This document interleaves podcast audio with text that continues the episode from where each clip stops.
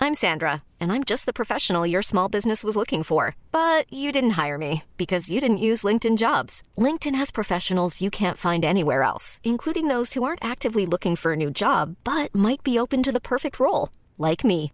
In a given month, over 70% of LinkedIn users don't visit other leading job sites. So if you're not looking on LinkedIn, you'll miss out on great candidates like Sandra. Start hiring professionals like a professional. Post your free job on linkedin.com slash achieve today. Ever catch yourself eating the same flavorless dinner three days in a row? Dreaming of something better? Well, HelloFresh is your guilt-free dream come true, baby. It's me, Gigi Palmer. Let's wake up those taste buds with hot, juicy pecan-crusted chicken or garlic butter shrimp scampi. Mm. Hello Fresh. Stop dreaming of all the delicious possibilities and dig in at HelloFresh.com. Let's get this dinner party started. Hey, it's Ryan Reynolds, and I'm here with Keith, co star of my upcoming film, If, only in theaters, May 17th. Do you want to tell people the big news? All right, I'll do it. Sign up now and you'll get unlimited for $15 a month and six months of Paramount Plus Essential Plan on us. Mintmobile.com slash switch. Upfront payment of $45 equivalent to $15 per month. Unlimited over 40 gigabytes per month. Face lower speeds. Videos at 480p. Active Mint customers by 531.24 get six months of Paramount Plus Essential Plan. Auto renews after six months. Offer ends May 31st, 2024. Separate Paramount Plus registration required. Terms and conditions apply if rated PG.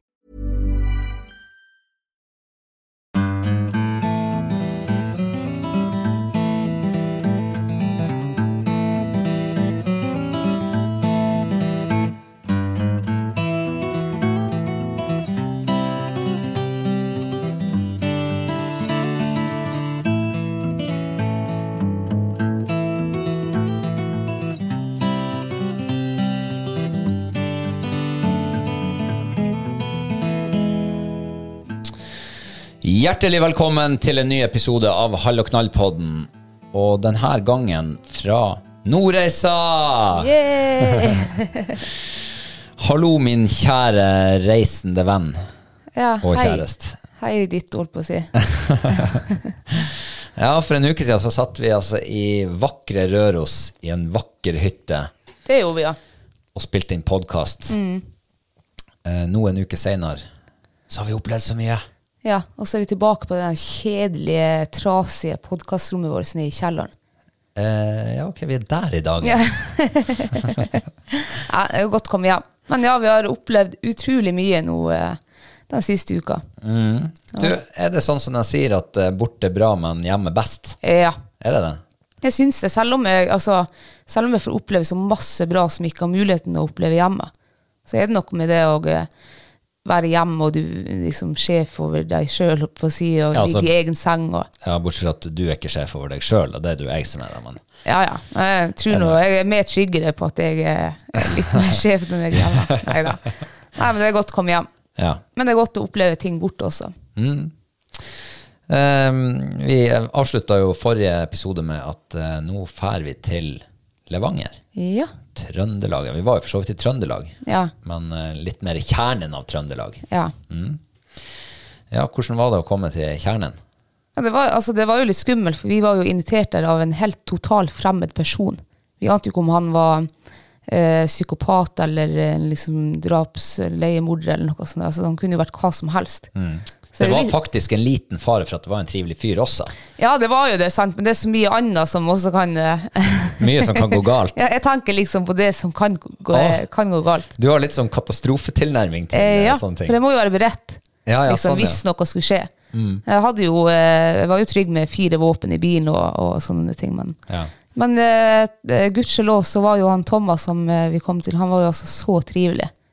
Og så imøtekommende, altså så sjenerøs, omtenksom og livlig og ja. Ja, snakk om å treffe eh, midt i dartbrettet, liksom. Ja. Darttavla. ja. Det var stort.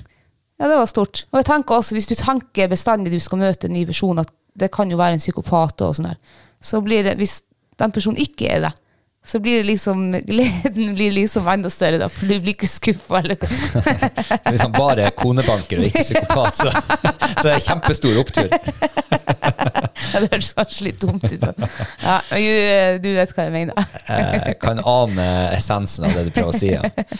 Men hvis man snur litt på det og tenker at eh, Ja, nå er jeg invitert hjem til noen eh, Det her er sikkert supertrivelige folk. Er det fare for at det blir en stor nedtur da hvis de ikke er så supertrivelige? Ja. Som man tenker. Så det, så det er egentlig det beste kanskje å legge seg på en sånn her ja, Det blir nå som det blir.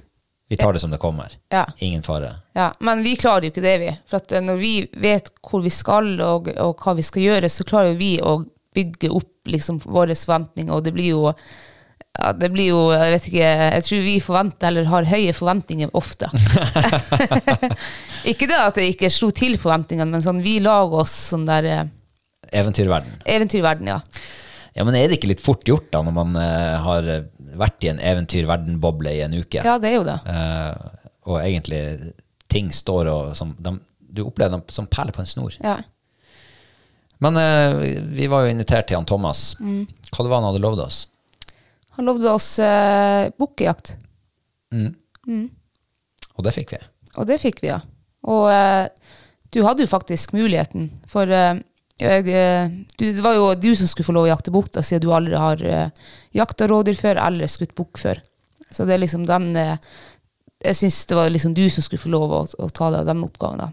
Du er jo nesten like sjenerøs som han Thomas. Vært Nei, men jeg syns det er spennende. Så når jeg har opplevd det liksom før, så syns jeg det er artig at andre får liksom oppleve det. Og når vi kommer, altså første dagen, første kvelden, så går vi ned på post, og der står jo en bukk en 250 meter unna. Eh, og det var spennende. altså. Og da tenkte jeg ja, nå eh, får han Robert skutt bukk. For den bukken, han gikk jo rett mot oss. eh, Sakte, men sikkert. Eh, men eh, så enkelt var det ikke. Eh, altså, enkelte på denne jorda er født med ræv, ræva full av gullhår. og andre av oss er ikke det. Nei. Men eh, samtidig så vil jeg jo si at eh, det var jo altså Bare det å liksom se en bukk første gangen du jakter bukk, bare det er jo eh, topp.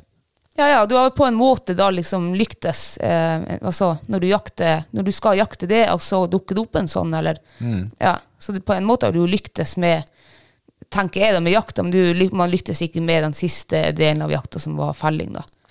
Altså jeg må si at eh, Berten vår han kunne jo fortelle at der han bodde, oppå den dollaråsen eh, Sikkert Levangers høyeste punkt, hva vet jeg. Eh, sikkert ikke så langt unna, i hvert fall. Så var det liksom en naturlig trekkplass for stort sett alt av vilt som skulle bevege seg i området. Enten det var flygende eller gående eller Ja. travende. Eh, og det er klart at eh, da tenker man jo at her ligger jo alt til rette for en særdeles hyggelig kveld nede i eh, Han hadde bygd sånn jakttårn, Ja. opptil flere. Eh, og eh, en s- det ligger til rette for en hyggelig kveld i jakttårnet. ja. La med deg. Ja, og jeg var jo så, altså, det her, klokka var jo begynt å bli åtte-halv ni eller noe sånt der. Jeg hadde jo en kald pils bak i bilen, så jeg tok jo en pils med meg ned og skulle sette meg i jaktbua og kose meg, for jeg var jo bare der som en filmer. Jeg skulle ikke jakte, jeg skulle bare observere og filme. Men det nådde jo ikke å drikke den eh, pilsen der, for vi satt jo der i jeg vet, Jakta vi kanskje på han i en og en halv time eller før vi ga oss? Vi jakta til det ble mørkt. Ja, det gjorde vi. Ja. Eh, men det som er, ikke sant, det er jo at når du du har ikke nådd å stikke, og bokstavelig talt, du har ikke nådd å stikke hodet inn i jakttårnet Nei. før du ser bukken. Så det ble jo liksom sniking inn på post, faktisk. Ja, det ble jo det. Og da tenkte jeg at eh, yes, yes, yes! Det her er nesten for enkelt. Det er altså så godt som servert på gullfat. Det tenkte jeg også. Så det var jo bare å lure våpenet fram i stilling og, og ladde forsiktig. Ja. Og sitte og vente. Og det var eh, altså, Jeg observerte den jo både i og utafor kikkertsiktet. Men Hvordan var det å sitte der og Det var egentlig en sånn der eh, åndeløs spenning på en måte. For man aner jo ikke hva et vilt dyr har tenkt å gjøre, men han så jo så avslappa ut. Han gikk der og spiste litt og nappa litt i gresstråene og bevegde seg sånn sakte, men sikkert i vår retning. Eh, og du spurte er du nervøs, er du spent? men jeg fikk ikke den der eh, Jeg, jeg hadde sett for meg at kommer det dyr, at jeg får se dyr, så kommer jeg til å få den store skjelven. Ja. Jeg fikk den aldri.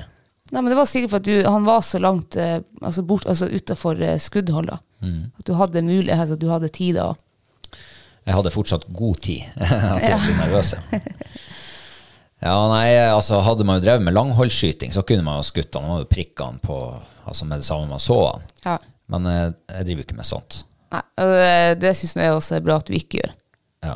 Jeg tenker, jeg tenker at eh, du får større opplevelser hvis du får dyrene på nært hold. da. Men det er nå bare min mening. Men det er jo noe med det å- å eh, jakte og så få det på kloss hold, liksom, at du For min del, da. Ja. Ja. ja, ja. Alt har sikkert sin sjarm. Det er Ja. sikkert kjempestas å skyte, skyte på langhold og treffe. Ja ja, det, kan- det kan jo hende. Men eh, jeg er jo ikke så flink å skyte. Jeg har aldri skutt langhold heller, så jeg tenker at feilmarginen er sikkert veldig mye mindre. Eh, Ja.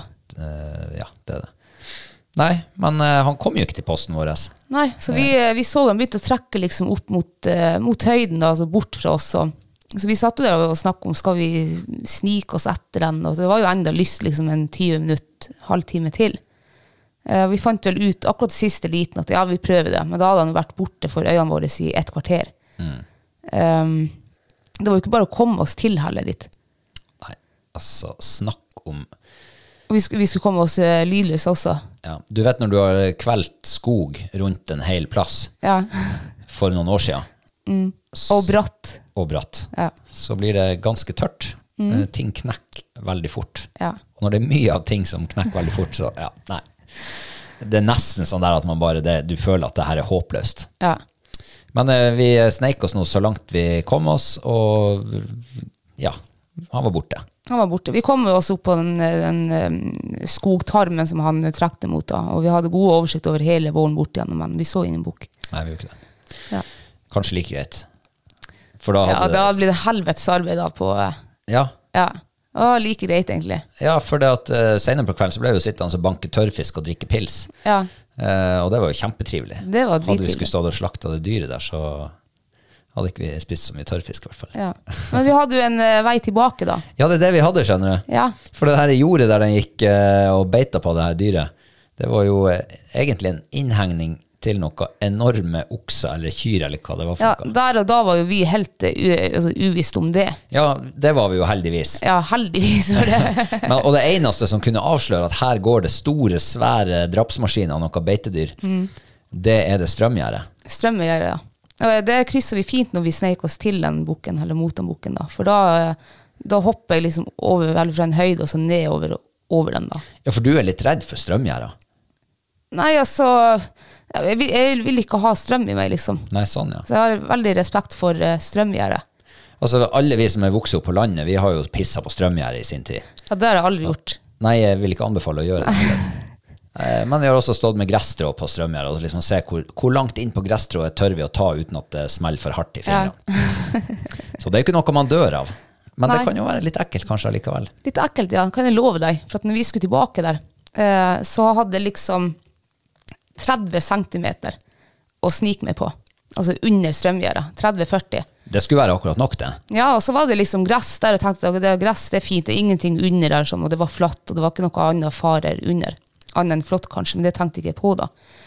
Og så sniker vi, jeg hadde, kommet, en- jeg hadde strømgjerde rett over ryggen min. Der brenner jeg på en brennhersle, og jeg skyter jo rygg som en katt, og det smeller jo tilbake. Altså, jeg tenk, altså der og da, jeg hadde, altså det varte jo kanskje i ett sekund bare den der strømsjokket eh, som jeg fikk. Men jeg, tr- jeg tenkte at nå, der, det var, der var det stopp. Det var slutt på livet mitt. Og det var såpass ille. Ja, det jeg var var- katastrofetenking igjen. Katastrofe, det slo gjennom ryggen og så ut av hjertet mitt. Og, jeg bare, og jeg måtte kjenne det på meg. Og, men der det gjorde vondt, det var jo der jeg brant meg på den jævla brennhersla. Men jeg ble så redd, du aner ikke. Jeg var, eh, jeg var på gråten, var jeg. Eh, fikk så- helseangst og tenkte nå får jeg hjerteinfarkt, og det var liksom alt. Eh, Litt sånn katastrofetenking. Ja, så jeg ble, jeg synes det var, det var Uff, det var ubehagelig, Robert. Eh, og, og du sa jo nei, strømgjerde, det var noe vi pissa på når vi var unge, og bla, bla. Og så fikk vi vite ettertid, eh, for dagen etter, når vi våkna og vi skulle gå ned på morgenen og sette oss på post der, så ser vi jo 30 svære drapsmaskiner, som du sa, ja. Altså det var kyr som eh, gikk på anabole steroider. Så vi fikk jo høre etter det at eh, de strømgjerdene der, eh, dem gjør vondt hvis du kommer etter dem, for de må ha litt mer volt enn en vanlig eh, hestegjær eller ja. Så, Så du fikk deg en god karamell, i alle fall. ja. Og, eh, ja, en- nå har det gått en uke, så jeg har ennå ikke vondt i hjertet mitt, så da tror jeg at eh, faren er eh, over. Det er så godt å høre Ja. at du endelig er oppe og står igjen. Nå er jeg oppe og står, ja. Det sto jo faktisk ennå. Jeg måtte jo gå inn og lese bare symptomer.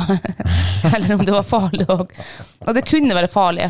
Men de største liksom, ettervirkningene da, det var noe sånn her skade på hjerte og sår og, og nervesystem. Og så var det en eh, sånn ettervirkning, eller sånn her lidelse, det var at du kunne få psykiske lidelser. det var faktisk en bivirkning. Har du kjent noe på det? Eh, nei, ikke noe verre enn det det var. Så det du sier er at det kan være en fare for at du er blitt brent av strømgjerde før? Ja, men jeg vet ikke. Men det, men det som er det, at det, det kan være at det kommer til å plages Robert fremover. Så Ja, da må du sånn. bare være klar over det. Det her er et lite, en liten varsling Det er en liten- på ting som kan komme. ja. Det aner meg at folk med sånne mentale lidelser som det du sliter med, det, da kommer det noe.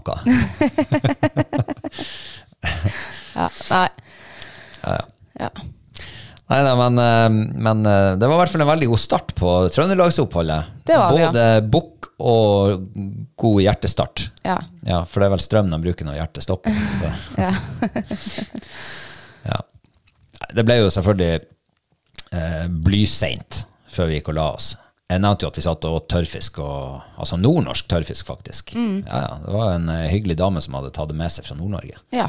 Ja, smakte faktisk akkurat sånn som de gjør her oppe. ja, du gjorde det. Han skulle vært litt mer banka, men eh, det fiksa du etter hvert. Ja, ja, men det er Men det klart det var- at man- det- Altså, gi tørrfisk til en trønder og be han å banke den. Jeg vet ikke Det, det funker tydeligvis ikke. Nei. Nei. Du var leit etter sløgg og alt. Nei, ikke sløgg, hva heter det? Slø... sj- Nei. Øks. Ja, men det var ikke noe Slegga var det. Ja, ja. Ja. Det blir noe å banke med. Nei, men det var jo trivelig, så det ble jo, eh, klokka ble jo mye. Og vi skulle jo opp eh, klokka Hva han Thomas sa? Fire måtte vi opp. Halv Ja. fem måtte vi sitte der. Eh, Men det sa han jo ikke før klokka to om natta. Nei. Og da ble jo eh, da, da, da fikk vi det plutselig veldig travelt for Ja. å pelle oss i seng. så det ble jo en og en halv time på øyet. Ja, det ble det. Ja. Eh, Det var tungt å komme seg opp, altså. Jeg tror ikke jeg hadde vært så trøtt og vært så, hadde slettet så med å komme opp av senga siden en alarm gikk på mestringsøvelsen vår på befalsskolen. Ja, var det Sånn cirka. omtrent samme? Jeg var like bortkommen, Ja. følte jeg meg som. Ja.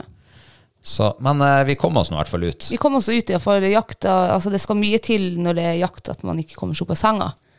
Eh, og så var det jo den der bukken der, altså vi så jo bukken første kvelden. Jeg tenkte her blir bankers. Det var jo nydelig lys på morgenen, det var vindstille, det var dritfint, varmt og Og jeg tenkte jo at eh, eh, Jeg hadde jo det i bakhodet, det han hadde sagt dagen før, at eh, det er trekkrute, det her. Ja. Så det kan jo komme sigende nye dyr forbi, Ja, ja. og det kan være plutselig får vi eh, masse, en hel flokk i fanget. Ja. Og nå skulle, var jo planen vår at vi skulle liksom snike oss ned i til det strømgjerdet og sitte i nærheten av der vi så bukken. Mm. Og vi sniker oss jo der i Skjemna. Og der får du øye på en kvitt fjell. Ja. Ja. Altså, det røyste seg opp fra gresset Ja. som et isfjell i, An i Antarktis. ja. Sikkert stor nok til å få både Titanic og Hurtigruta til å gå ned, hvis ja, de treffer den. Det tror jeg. Det var et eh, muskulært monster av en okse. Jeg tror det var okse. Det var må okse, ja. være- altså, Den største der, ja, det var okse. ja. Den var så svær at eh, ja, altså, jeg, jeg ble livredd. Ja. Han, jeg er sikker på den der veide en plass mellom 800 og 1000 kilo. Ja, i- ja, det tror jeg, ja. Ja, kanskje. Da vennene var store. Og så hadde han jo 29 kjerringer med seg, Mm. som var ganske store, dem også. Den var ganske gal. Ja. Og de gikk og trampa der. Eh, ja, guds løkke at ikke vi så den der i mørten da dagen før, for da hadde jeg altså blitt livredd. Eh, men eh, man eh, mista litt trua liksom når vi kom dit ned og skulle sette oss på oss der, og det var masse kyr der. Eh, ja. Ja, jeg, altså, jeg tenker jo at eh, når det fær 30 gærninger, hvite monster rundt der og tramper, så det sprang jo i flokk rundt Mm. Ja. der. Det- Altså, jeg- vi kjente jo, vi sto jo 100 meter ifra dem, at det, det dirra i bakken. ja, det rista i bakken, ja. Mm. Eh, og det er faktisk bokstavelig talt. Så da tenker jeg at hva i all verden skal det der lille rådyret tørre å driste seg ut hit for? ja. Nei. Nei, jeg, jeg tenkte også det her var no go. Det var den sjansen den var Så da tar man heller litt snikjakt Ja. inne i skogen. ja. Jeg må bare si at eh, soloppgangen i Trøndelag er et fantastisk skue. Du verden for et fargespill som var på himmelen sånn Mm. Ja. Mm. i, i fem-halv seks-tida på morgenen, rett før sola kom opp. Shit, det var flott. Ja, det var nydelig, var det. Det er et sånt der øyeblikk som har brent meg fast i mitt indre øye. Mm. I hvert fall den dagen. Ja, det var veldig fint. Mm. Men eh, da, siden jeg hadde fått jakta dagen før, så skulle jo du Nei, det var jo Nei, det var du som skulle snike. Jeg skulle jo fortsette, ja. Ja, ja, ja. Herregud, du var jo fortsatt sjenerøs. Ja, du skulle få lov å gå på snikjakt, og det begynte jo å regne. Og... Ja, Ah, perfekte forhold, liksom. Ja, ja, vi tenkte jo det. Eh, Vi tenkte jo også at eh, skogen eh, der var kanskje sånn som vi har her. da. Eh, Litt sånn her eh, sånn glente som er ganske oversiktlig, kanskje 50-60 meter med sikt og sånn. At du kunne gå med kikkerten og speide inn i skogen. Ja, for det fikk vi også beskjed om. Ta kikkert med liksom og gå og speid. Og ja, vi tok jo dem med. Og, og eh, vi kommer liksom, vi går etter eh, en vei og kommer liksom mot den skogen vi skal jakte, og så er det fette tett. Altså, altså sånn ugjennomtrengelig jungeltett. Ja. Og vi gikk jo vi gikk vel et lite stykke, sånn her, og der bare snur du deg foran meg og bare sier at det her er helt håpløst, sjanseløst. Og så bryter vi jo ut i en god, gammeldags latterkrampe. Eh, ja, eh, jeg, og når jeg får latterkrampe, jeg klarer jo ikke å stoppe. Det klarer jo ikke du heller. Jeg får latterkrampe av at du får latterkrampe. Ja, og jeg får det igjen for at du flirer. Så vi sto jo der sikkert i fem minutter og bare flirte og flirte.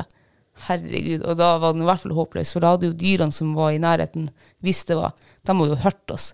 Ja, de hadde, altså, de hørte oss idet vi tok ett steg ut av Ja. veien og inn i det der eh, tette granmarerittet der nede. Ja. To overtrøttinger som skal på snikjakt. Ja, ikke sant. Nei, herregud. Nei, det går ikke. Men eh, den morgensjakta ble jo egentlig avslutta på veldig fint vis. Vi fikk jo se tre dyr som gikk på et eh, jorde, eller på en sånn åker, Ja. for det er jo mye korn der nede. Eh, Så da fikk vi jo svetta litt med lav eh, åling fram til eh, de i skjul bak noen rundballer. Ja. Men som dagen før, det var ikke bukka der, det var geiter og kje. Ja. Søkk borte. Eh, Så, men vi, vi hadde nå sett litt dyr i alle fall. Det hadde vi, ja. Og så var det jo spennende. ass. Ja, ja, ja. Og det er litt sånn, altså det, er- det er spenning det også å gå i et terreng eh, der du ikke er kjent, du aner ikke hvilken skog som kommer neste, altså sånne der ting. Det var veldig spennende, synes jeg. Det har jo gått opp for meg på denne turen her at det er ikke noe ulempe å være kjent der du skal jakte. Det er det ikke, nei. At du kjenner den ene glenda der den bestandig passerer forbi, eller at du vet at på den høyden der, der har du god utsikt. Og går du dit, så støkker du dem. Ja. Så alle sånne der ting, det er jo eh, kun lokal erfaring. ja, du ser jo her, her som vi er kjent da. Du har jo dine fordeler, du vet jo når du skal på skogsfugljakt, kanskje ikke du da. Men du vet liksom hvor den glenden er, hen, og ja, hvor rypen er, hen, og hvor jerven går. Eh, Men da hadde vi altså fått eh, prøvd oss på både eh, posteringsjakt og snikjakt Ja. på bukk. Uten hell. Ja. Ja. Eh, Men eh, han Thomas han hadde jo lovd oss mer enn bare bukkejakt. Ja. Eh, han eh, lurte på om vi hadde lyst til å jakte due. Og det hadde vi selvfølgelig lyst til. Og det kan jo være mye mer action. Eh, Vi hadde jo sett bra med, med duetrekk der som han bor, over haugen der. Eh, men han skulle ta oss med på en enda bedre plass, med duelokk og hele pakka. Det var spennende. Det er jo første gang du også har jakta due. Ja, absolutt første gangen. Eh, og når vi kom dit, altså vi kjørte faktisk til Inderøya, Ja. til en eh, gård som også lå på en høyde. Det er mye gårder som ligger på høyda i Trøndelag. ja. Ehm, og han bare svingte rett ned på åkeren som var slått, og begynte å montere opp alt det der lokkeduen. Og Jeg følte det her var litt sånn her det, det, Jeg oppfattet som at det var litt sånn tidspress for å bli ferdig. liksom med Få ut duen, få opp skjulet, du skulle jo ha kamonett, og du skulle ha ja, lokkekråke faktisk òg skulle du ha med. ja. Eh, og alt det her måtte skje så fort, sånn at ikke duen så deg, antageligvis. Ja, altså, for det var, jo- når, vi, når vi kom kjørende ned, så støkka vi jo liksom på en masse duer som satt der. Eh, Jeg følte jo også litt sånn tidspress. U og jeg tror ikke han Thomas mente at vi skulle liksom eh, stresse oss i hjel. Og så får man litt også sånn prestasjonsangst når du får oppgave og eh, s- hjelpe til med å sette duen, og så er det jævlig viktig at de har eh, hodet den veien, ikke den veien, og at de er så så langt ifra hverandre, og at det, ja, det er så mye å tenke på.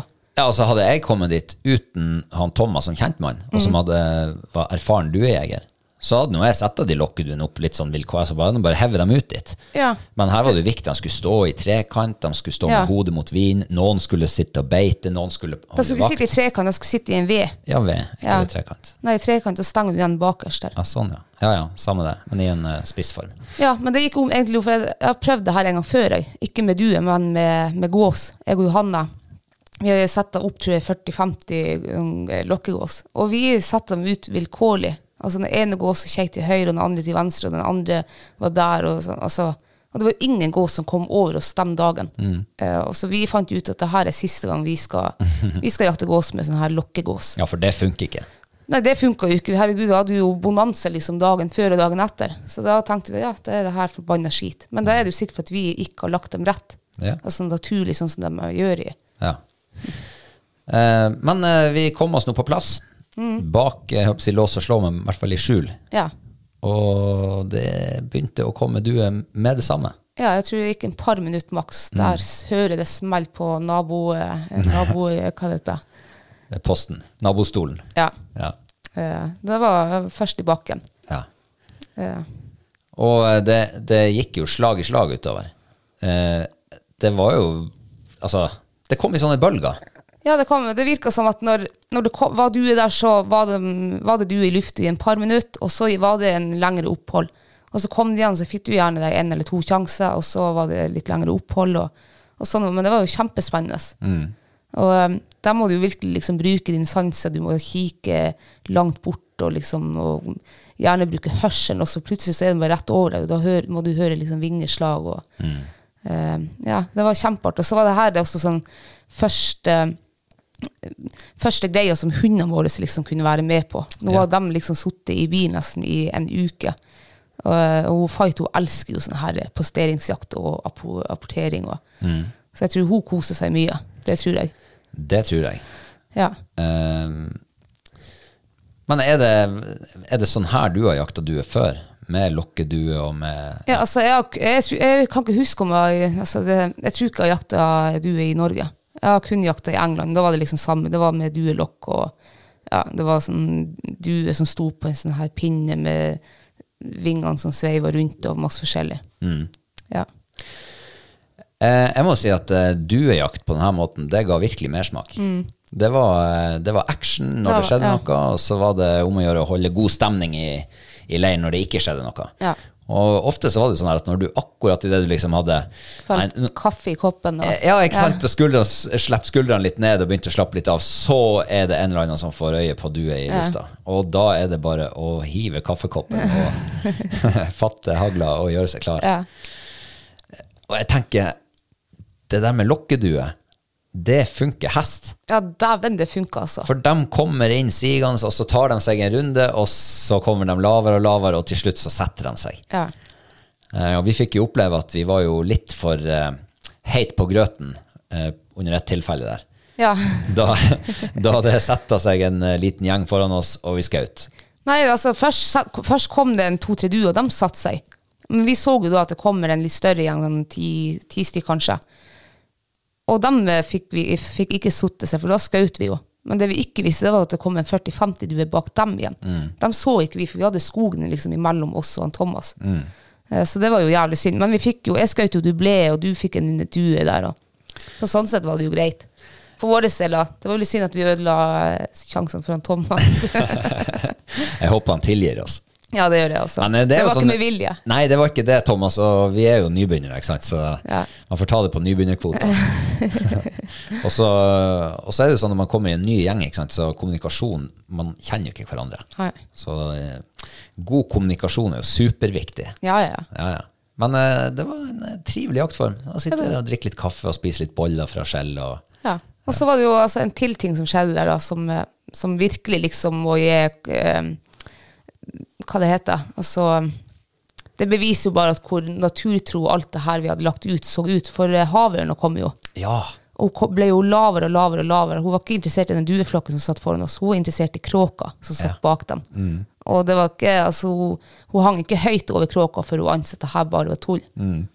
Så det var, jo- det var artig. Ja, det var det. Mm. Og den kråka der, når han sprang ut med den, så jeg skjønte ikke hvorfor han skulle ha den kråka ut, for han setter jo den en 50 meter lenger borte. Men jeg, skjønte, jeg trodde kanskje det var, at det var sånn kombinert kråke- og duejakt. da. Jeg, jeg skjønte heller ikke. Men eh, det var egentlig for å få duen til å føle seg trygg. Mm. For hvis kråken, som er så smart, sitter i ro på en eh, plass, så er det trygt. Mm. Ja. Ja. Det var genialt. Kjempegenialt. Ja. Mm. Tenk hvem som har funnet på det der. Det må jo være en som har skutt en kråke, i, og den bare har deisa i bakken, og så bare han- latt den ligge der. Ja. Og så begynner duen å komme. ja. kanskje det jeg skal gjøre neste gang jeg jakter jerv. Legge en kråke oppi buska der. Som sitter, kanskje jerven tør å komme dit da på lysdagen og Mm. sette en ravn eller noe. Em, når vi var ferdig med duejakt har, har du forresten noe du vil, mer du vil berette Nei. om duejakta? Nei. Nei. For når vi var ferdig med duejakta og eh, begynte å liksom eh, kjøre tilbake igjen, så stoppa vi jo eh, for en eh, liten eh, kaffekopp på bensinstasjonen. Og der satt det jo altså så mye gås. Ja, det var altså helt svart. Trøndelag er jo åpenbart Norges største gåsefylke. Ja, det må det være. Og vi gikk, altså, når jeg sier til han Thomas, å fy faen hvor mye gås det der. Nei, nei, sånn, det- nei det, der er ikke, det der er ikke mye gås. Og bare, hæ? Ja. Tuller du? Altså, hadde vi sett den der mengden her i reisa, så hadde jeg ikke trodd på det. Nei. Altså, halve, halvparten kanskje har jeg, har jeg sett liksom i lag. Jeg tror det der var minst like mye gås på det ene jordet som det er i hele Nordreisa til sammen. Ja, det tror jeg hele Nord-Troms sikkert. Ja. Ja, sikkert. det tror jeg også. jeg Vet du hva, tror nok det må ha var vært svart. eh, godt over 1000. eh, Tror du det? Ja, jeg tror Ja. det. Jeg sier noe. Rundt 1000. Ja.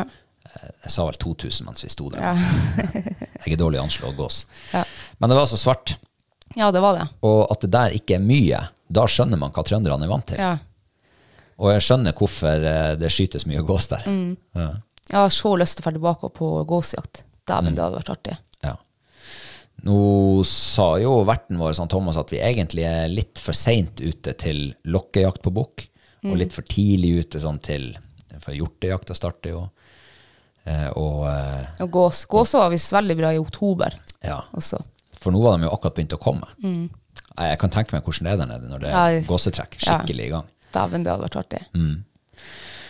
Men eh, vi har, har i hvert fall fått eh, smake på litt av det Trøndelag kan by på. Mm. Eh, jeg syns det var kjempestas. Ja, det gjorde jeg også. Eh, virkelig sånn, altså ikke, ikke bare den jakta og alt det, men liksom hele det sosiale og kameratskapet og, og fått smake på nye ting som man ikke kan gjøre her oppe. Ikke har vi duejakt her, og ikke har Nei. vi rådyr her. Ikke har vi gjort, ikke har vi gås, nesten. Så de er jo veldig privilegert med, med forskjellige form for jakt og, og vilt der nede. Mm. Og eh, k- storslått natur og ja. De har gode lakseelver. ja, de har alt det som egentlig vi ikke har. Ja, de har vi har mye- fjellene. Det har vi. Ja. Eh, Men de har jo for så vidt fjell, de òg. Men de har sånn variert. De har daler og høg skoggrense og f- Ja. barskog, som sikkert det er sikkert proppfullt av tiur der nede. da. Hæ. Ja, jeg skal flytte dit når jeg blir eh, gammel. Skal du det? Eller vi flytter dit når du blir gammel. Ok. Ja. Så tar pensjonisttilværelsen der nede. Ja, vi skulle vi flytte dit før. Ja, ja, hvem vet? Hvem vet?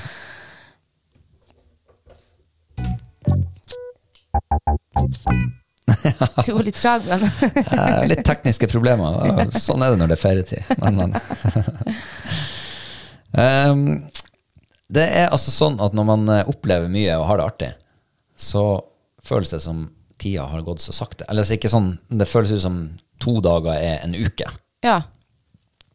Og sånn følte jeg det når vi for ifra Levanger. ja det, følte, det føles ut som vi faktisk hadde vært der i en uke. Jeg tror det er for at vi har fått så mye nye inntrykk. eh, Møtt nye mennesker. Alt det der, liksom. Og sikkert bruke litt mer tid da på å eh, ja, ta opp i hodet eller noe. Eh, Men, men det er jo et positivt tegn, da. Ja, det burde være det. Ja. Absolutt. Ehm, vi, fikk jo, eh, vi ble jo invitert videre ut i Trøndelag. ja. Ehm, Mot kysten. ut mot kysten. Altså, vi var jo på kysten i Levanger òg. Ja, ja, men liksom enda litt lenger ut, følte jeg. litt sånn ute i havgapet, nesten. Ja. Sånn så det ut på kartet, i hvert fall. Ja. En eh, svær øykommune med ja, litt fastland òg, som heter Nærøysund. ja. Jeg hadde aldri hørt om den kommunen før. Nei, ikke jeg heller. Jeg hadde hørt om eh, Rørvik, Ja, ok. som er nå en by der ute. Ja. Så viste det seg at de har jo Norges minste by også i den kommunen. Å ja. Nå spørs det om jeg husker navnet i Ikke det farta. kobbe et eller annet? Kolvereid. Kolvereid var det, ja. Ja. Ja, Og det så faktisk ut som en bitte liten by når vi kjørte forbi der. ja det gjorde han. Ja, det gjorde det.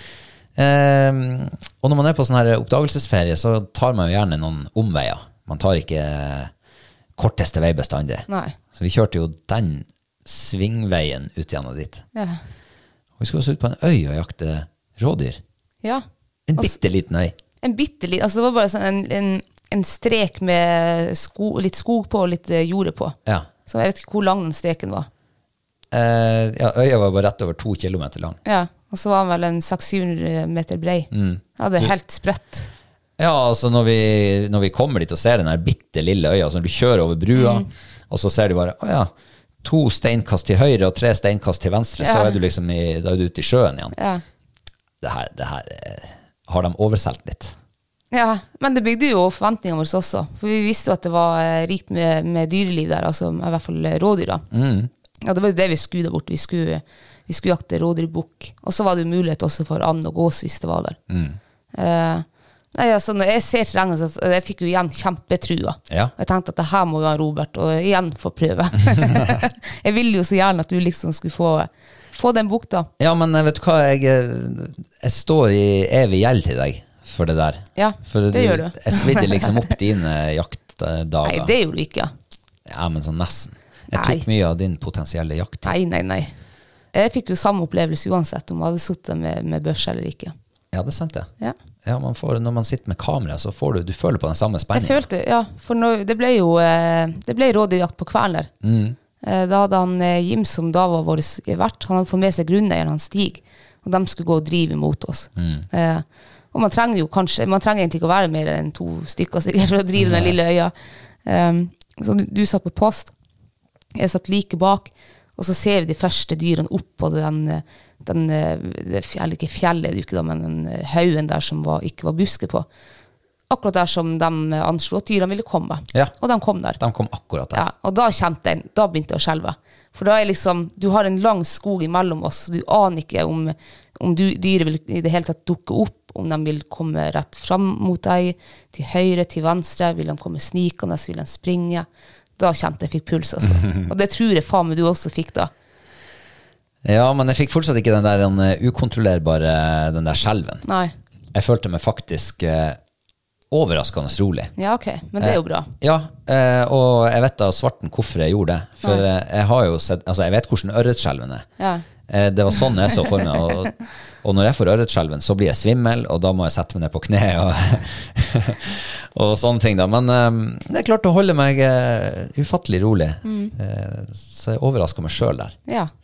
Men eh, det var eh, ulidelig spennende når eh, de to mest lokalkjente på øya sier at over der kommer det sannsynligvis dyr. Og den første plassen det kommer dyr, er akkurat over der. Ja. Da tenker jeg det her kommer til å gå bra.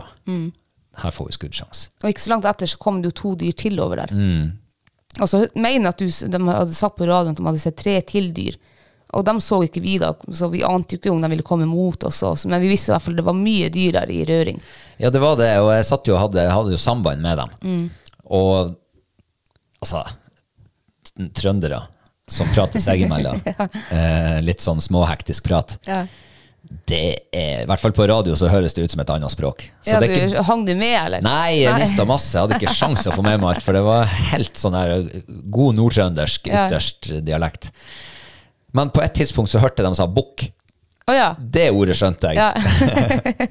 Og da kjente jeg Yes! Det her lover bra. Men eh, det kom jo ikke noe bukk, da. Nei. Men det, det kom en geit. Ja. Og du verden for en opplevelse. Ja. Jeg så jo med det samme Altså, jeg så to ører som eh, liksom eh, stakk opp i, over gresset. Og jeg fanga dem i kikkerten, og jeg så nei, der er ikke horn. Da skal den ikke skytes. Men jeg fortsatte å, å observere den, og i kikkerten til å begynne med. Det var altså så rått. Det var, ja det var, ku- for, altså, når jeg først oppdaga henne, da er hun rett foran oss i bringebærbusken på ja, 12-13 meter. Og det er akkurat som hun aner at her er det noe. Du ser hun driver og værer litt og, og nesten sniker seg litt sånn rundt oss. Og, så kommer hun helt på åpninga på en ja, 12-15 meter. Og der står hun. Og det, følt, det føles jo ut som om hun sto der jævlig lenge. Eh, helt sånn uforstyrra nesten. Og bare, men ante nok at det var et eller annet her som ikke stemte. Ja, hun ante nok litt sånn ugler i mosen. Ja. Men ikke nok til at eh, her skal jeg bare gjøre vennereis i et langt byks.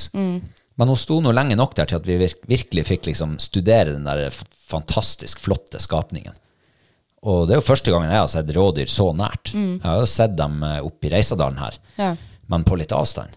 Men når du virkelig får tid til å, å studere det der Nei, Jeg syns virkelig det var en flott opplevelse. Ja, det syns jeg også. Og det gjorde egentlig ikke noe om ikke, om ikke det ble felling, men vi fikk liksom Det var, altså det var en stor jaktopplevelse. Mm. Jeg har heller aldri Jeg har sett rådyr på kloss hold, eh, men jeg har aldri liksom forstått og, og følt på at jeg kan stå og studere dem, liksom. Em, så det var veldig artig. Mm. Ja, og vi fikk jo eh, to dyr til inn på samme posten. Ja. Eh, det var en geit og en, eh, et Kje, kje. ja. De hadde litt mer sånn eh, Var litt mer stressa. Ja, det er sikkert fordi hun hadde ungen med seg eller noe. Men de ble jo også stående altså sånn. Vi, vi fikk et kort glimt av dem helt i ro, liksom, på en 15 meter. Ja. Eh, s- Det var veldig, altså det var sånn det var en skikkelig koselig opplevelse. Koselig opplevelse. Koselig, ja. Mm. var det. ja. Og som du sa i s- i sted, en stor jaktopplevelse. For jeg, jeg kjente der og da at det gjorde ingen, Når jakta var over, Mm. så kjente jeg på det at det gjorde absolutt ingenting at, vi, at det ikke kom bukk. Nei. For det, at, eh, det var så flott å se de der eh, geitene og kjeene der. Mm. Og det er jo en ting som- med jakt, og det tror jeg egentlig eh, de fleste jegerne også er innafor.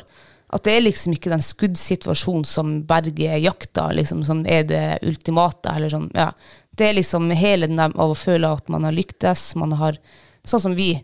De dreiv, vi satt på post der. Vi lyktes. Ja, vi fikk- lyktes. Ja, vi lyktes. Altså 100 Vi lyktes, vi, altså, vi lyktes ikke med å få inn bukk, men eh, det er jo noe som er større enn oss. Eh, så, men vi lyktes liksom med jakta. Eh, så det skuddet og fellinga er liksom ikke eh, Du trenger ikke det for å få den ultimate opplevelsen, tenker jeg da.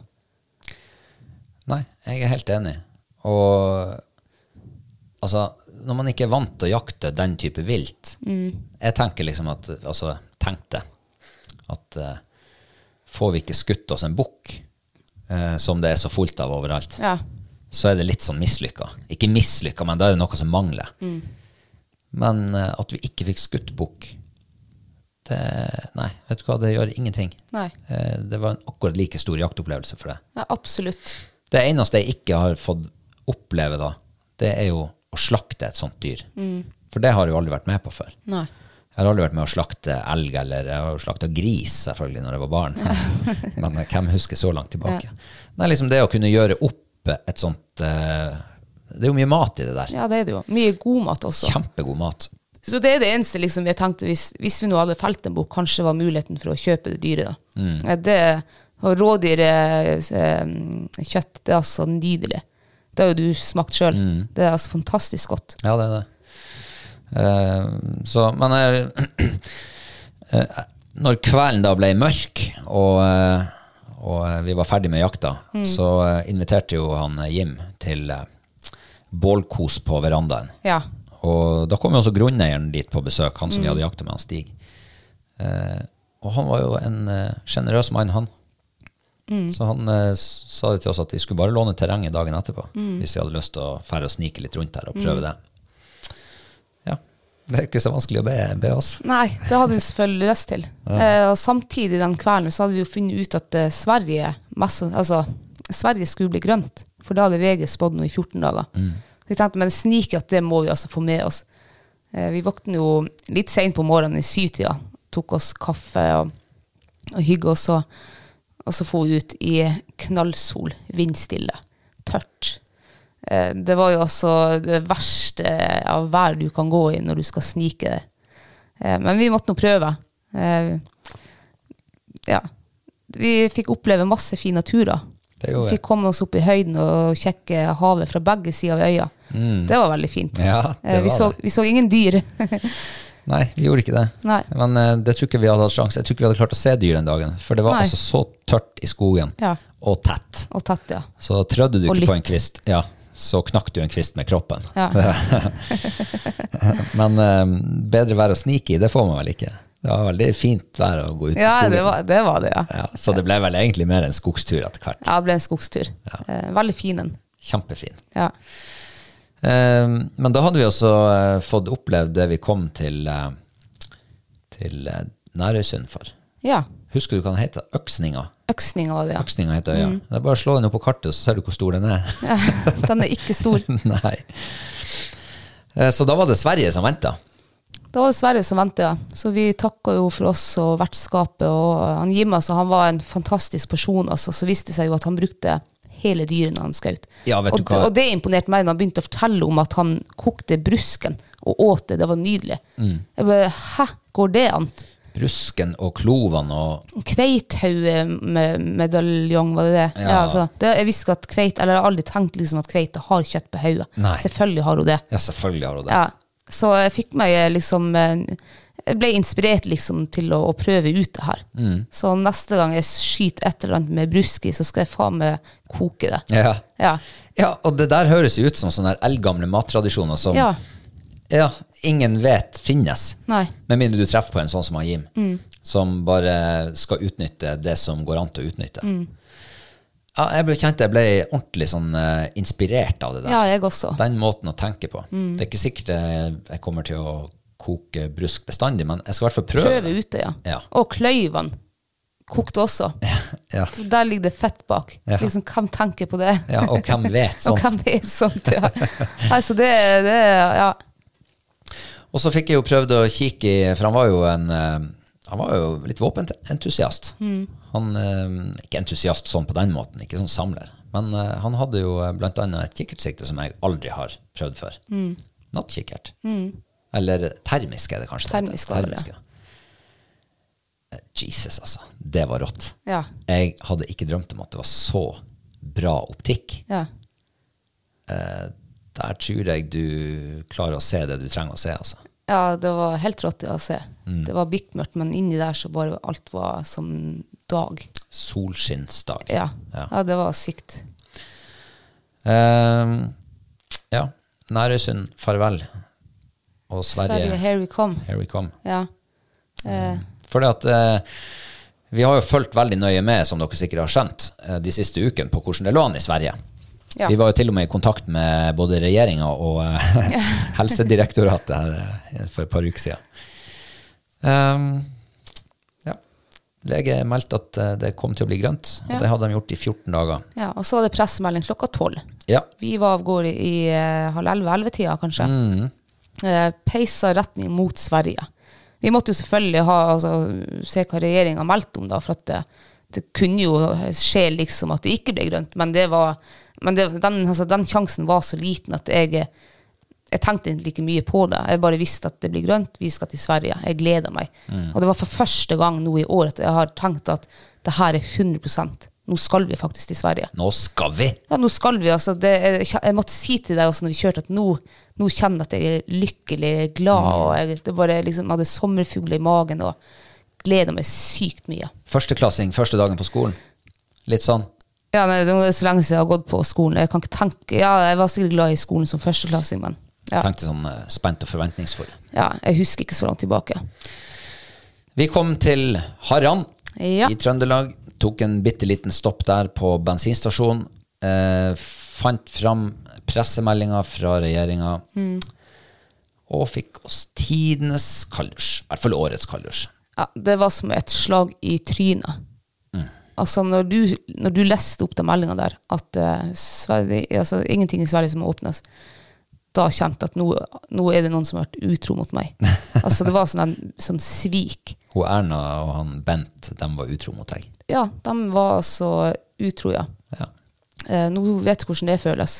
Eh, det var et slag i trynet. Ja. Og eh, fy faen, altså, for noe Der og da tenkte jeg det. Eh, eh, hva det heter Utalente folk, og så de skjønner jo ingenting. Og Ja. hører noe på VG. Ja. Altså, jeg ble så barnslig også sånn i, i tankegangen min, men jeg var så skuffa.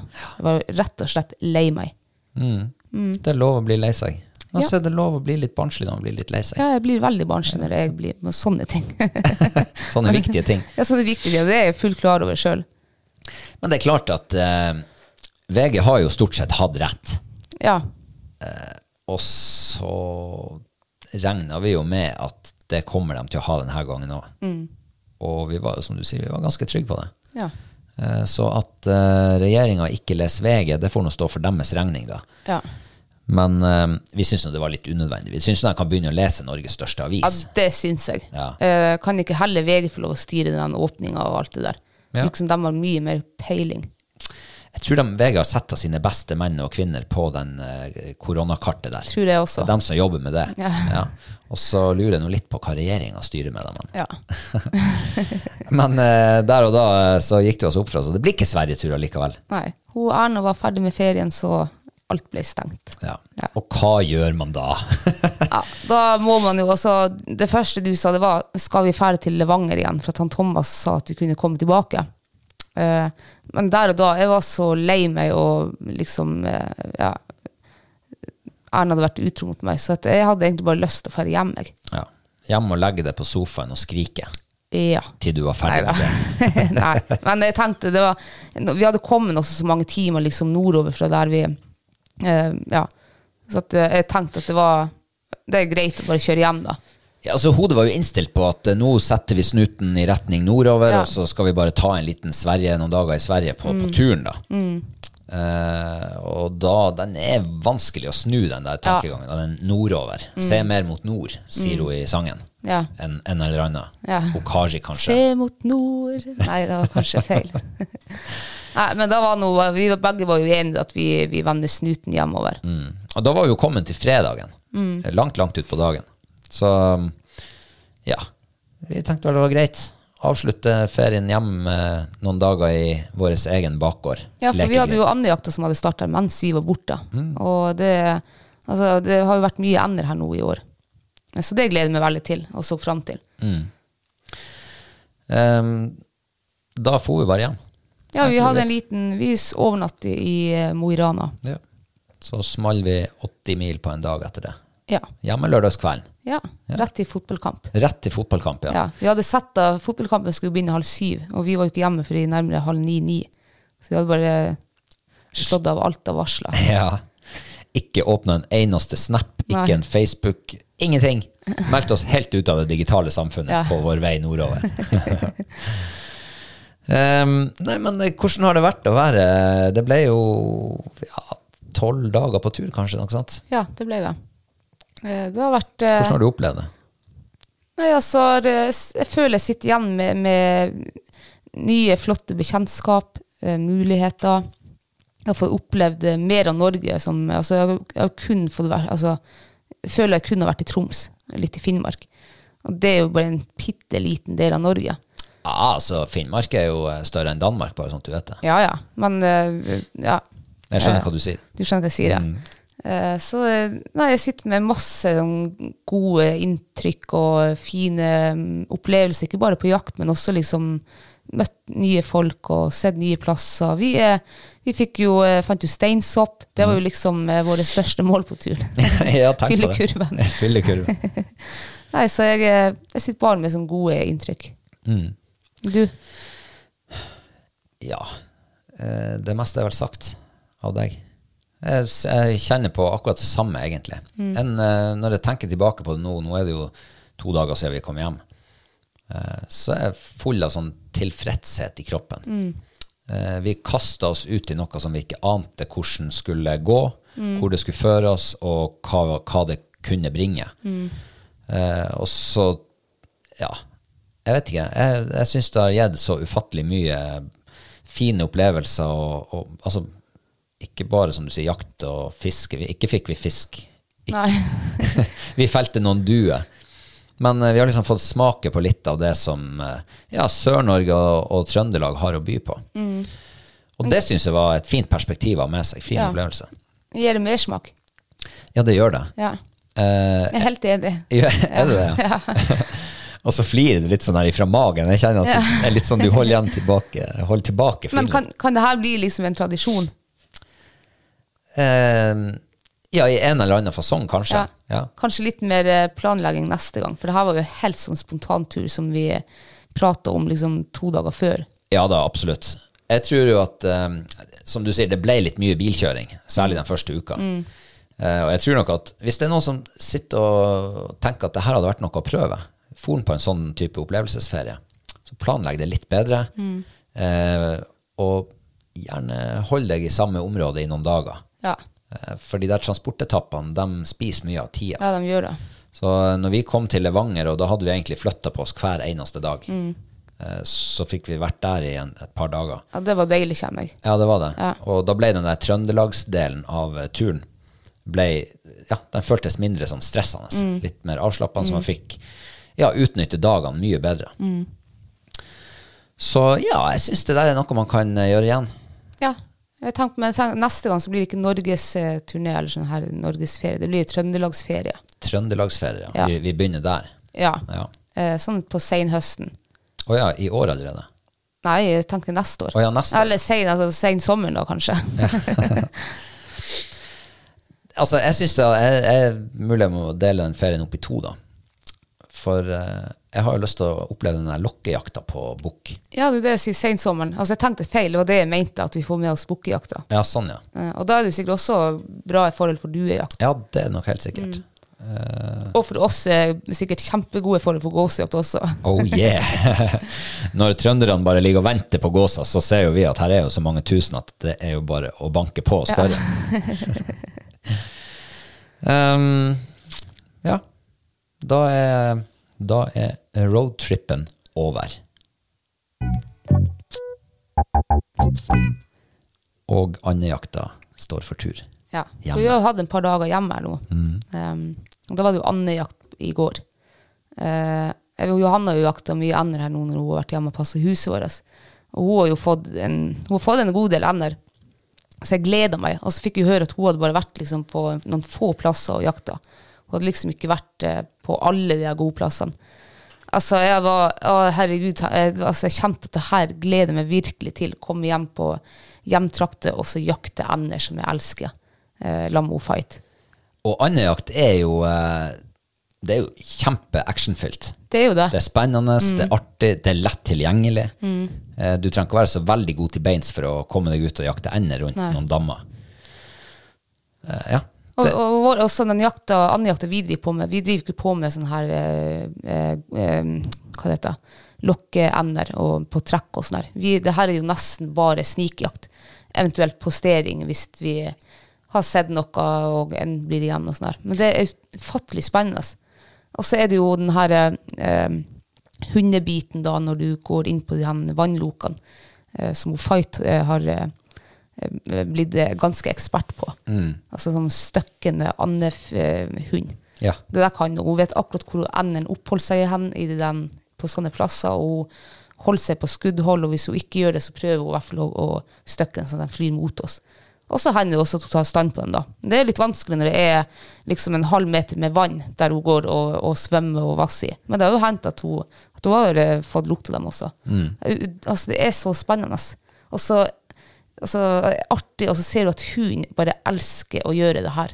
Det er liksom det Ja beste som fins. Og det er så koselig. Mm. det er ganske sykt egentlig hvordan en stående fuglehund, som har vært stående fuglehund i 11-12 år, Mm. eh, plutselig bare blir noe helt annet. Ja. Skrur på andebryteren, så er det støkkende og nesten drivende fuglehund. Ja, ja, ja. Eh, Så hun er det, Jeg tror det må være unikt, det der. Ja, jeg tror det er ganske unikt, for du, eh, jeg har jo sett andre hunder som man har sluppet på sånne plasser. De kan gjerne dra seg til skogen, for det er jo helt unaturlig for dem å jakte på sånn her svømme imellom siv og sånn her. Hun Fight hun gjør ikke det. Hun, hvis skogkanten kommer, så stopper hun. Hun går ikke i skogen, for hun vet at der er det ikke ender. Eh, Så fremst hun ikke får spor, da, eh, som vi kan komme tilbake til, for det henter jo også noe eh, for Ribbon sin del. Men det er liksom Ja, det er helt unikt, tror jeg, det hun, det hun har eh, eh, altså opparbeida seg av eh, erfaring og kunnskap. Eh, første gangen jeg var med på den der type jakt, så ble jeg fanga. Jeg syns det var så kult. Og det er jo litt sånn her Det er jo en oppsøkende form for jakt. Ja. Du sitter ikke og venter, du går, oppsøker de plassene der andre oppholder seg, så slipper du hunden. Og så må man bare sørge for å holde seg på, på gode skuddplasser. Ja, også Altså, den teamsamarbeidet også, Mm. for du ser at eh, hun eh, da er ekstra sånn kontaktsøkende. Hun vil, hun vil se hvor du er hen, Mm. hun vil vite er det noe hun trenger å gjøre bedre, er det liksom hva og sånn der. Går hun liksom, i rett ve- Går hun rett retning? vei, så ofte så er hun oppe og siver liksom som en sånn kenguru og kik. Ja. Og så har hun lært med det plusting. To plust, så skal hun svinge av, og ett plust, så skal hun stoppe, og sånne her ting. Og det kan hun. Ja. Ja. Og eh, vi har jo eh, hatt han Reborn med oss noen gang før på denne type jakt. ja. Eh, men han har liksom ikke helt eh, Ja, han har ikke kopiert mora like godt. Nei, for vi begynte å ta han med når han var ung hund. Eh, han var en veldig god sånn apportør da. Apporterte alt av rype og skogsfugl. Og så fikk han apportere da en, en and da. Eh, han svømte ut, tok ikke anda i kjeften. Eh, så si, og det her er jo fire år siden. Så han har vært litt sånn nedprioritert. Han har liksom, vi har ikke hatt helt trua på han når han ikke vil, eh, vil ut og så apportere ender. Så da er det jo klart, da blir han jo båndhund. Eh, Men nå i går så fikk han prøve seg. Du hadde lyst til å Jeg hadde jo egentlig bare lyst til å elte han hjemme. Ja, tenk på det, altså. Gutten min må være hjemme. Ja, men du eh, Nei, du skal ha han med, og du skal gi han en sjanse. Ja. Og han har også vært litt sånn Han kunne ha trukket seg i skogen og sånn, jeg har ikke helt skjønt. Mm. Men dæven, altså, for en knapp som var skrudd på hodet hans i går. Ja, og det som var forskjellig i år kontra i fjor, det er jo at i år så har jeg jo, han har jo faktisk hatt veldig god kontakt med meg når vi har vært ute og trent. Og det har jo ikke vært like godt bestandig. Nei. Så jeg, jeg hadde litt forventning til han. Ikke sånn superhøy, men jeg tenkte han skulle få en fair sjanse, i hvert fall. Mm. Slapper han- Slipper han på, og han bare tar tak i terrenget. Ja, altså i det andedammen. terrenget, ja. Yes. Hvor han før har bare brått kunne ha smått ut i skogen og tatt seg noen runder der. Mm. Nei, så holdt han seg altså i sivet og i vannet. Det så nesten ut som han foretrakk ned i djup svømmevannet. Ja, jeg hørte Ofte så hørte man ikke hunden. Da var han og svømte der Da var han og mellom svømte, de ja. kanalene. Ja, ja, ja. Eh, nei, det var sinnssykt kult å se på. Ja. Og føle at eh, Og han var også akkurat som hun Fight, sånn der opp med hodet på Ja. to og kikke 'hvor er du?' Og da var det bare å vise han med armen hvilken retning han skulle Mm. i. Jeg syns han løste det så bra. Ja, altså, jeg jeg ble nesten litt rørt i går når jeg så at Jeg bare tenkte yes, endelig, nå har jeg en arvtaker liksom, liksom etter å fight. Mm, jeg har også det. Ja, altså, vi har det, vi da. har det. Eh, Ja. så det var kjempestas. Og eh, selv når jeg måtte begynne å gå rundt, det var jo ganske mye vann der, og mye siv, så det var jo lang avstand på et tidspunkt der, så så jeg at han holdt kjempegod kontakt. Og han var mye mer nesten kontaktsøkende der enn i høyfjellet. ja, det er sånn det skal være, altså, for der er det liksom ja, helt annen måte å jobbe på. Mm. Og plutselig så ser jeg han begynne å snuse ned i bakken og stupe uti en sånn her vannkanal som kommer innover. Og der ser jeg jo en and som ligger og flakser foran han. Og han etter den. Og jeg tenkte nå må den komme opp, for nå må jeg altså, nå sk- gjøre meg skuddklar.